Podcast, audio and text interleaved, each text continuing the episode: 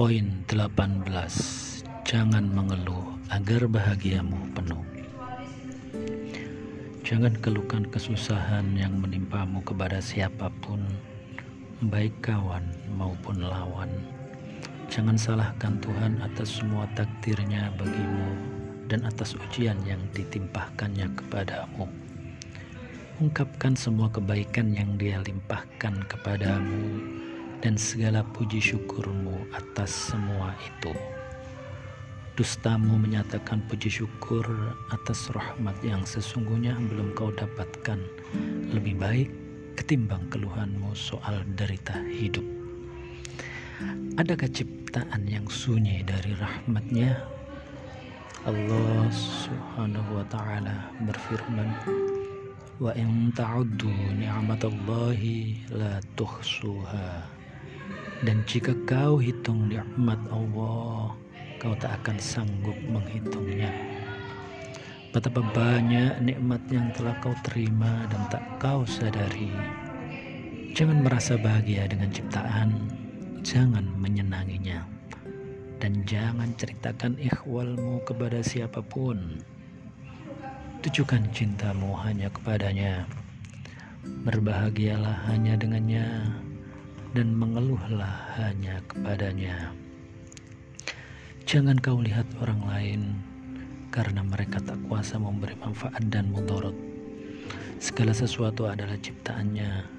Hanya di tangannya sumber gerak dan diam mereka. Keberadaan mereka sampai detik ini pun semata-mata karena kehendaknya. Dialah Allah penentu derajat mereka. Barang siapa dimuliakannya, takkan ada yang mampu menghinakannya. Barang siapa dihinakannya, takkan ada yang dapat memuliakanlah. Jika Allah hendak melimpahkan keburukan kepadamu, tak seorang pun sanggup mencegahnya selain dia.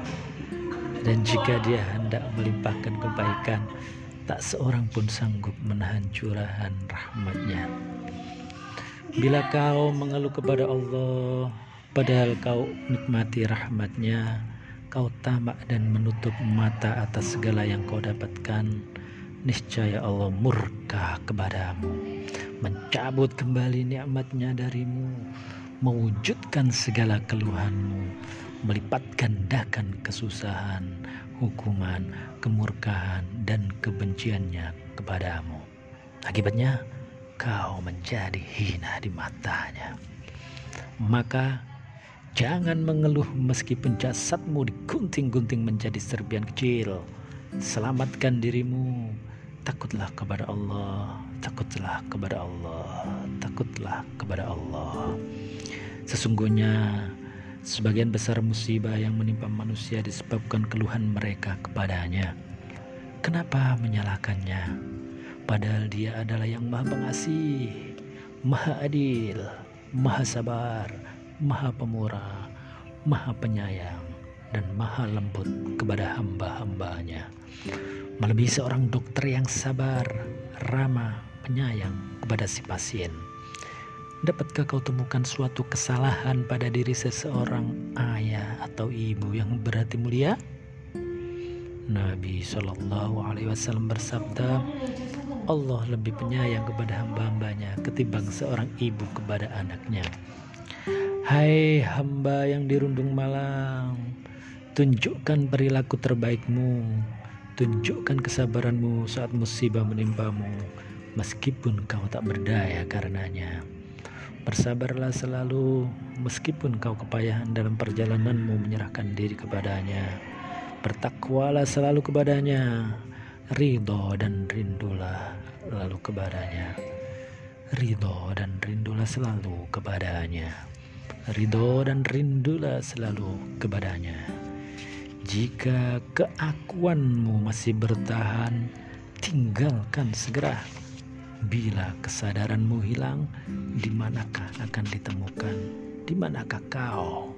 Belumkah kau dengan firman Allah? Belumkah kau dengar firman Allah?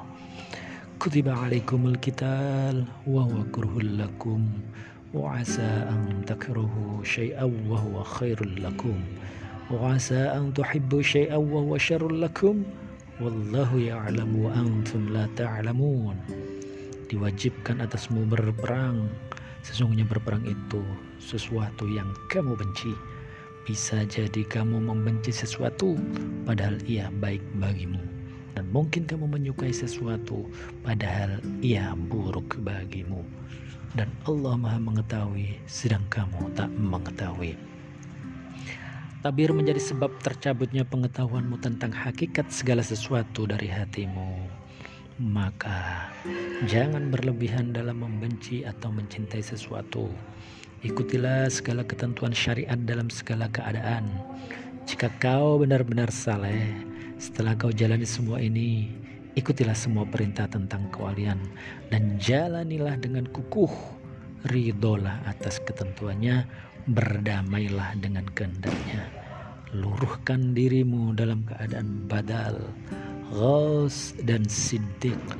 Bertolaklah dari jalan nasib. Jangan berdiri tengah-tengahnya. Gantilah dirimu dan hasratmu dengan kehendaknya. Dan tahanlah lidahmu dari segala keluh bila kau dapat menjalani semua ini Allah akan memberimu kebaikan berlimpah kehidupan yang nyaman dan bahagia dan senantiasa melindungimu karena kau taat kepadanya.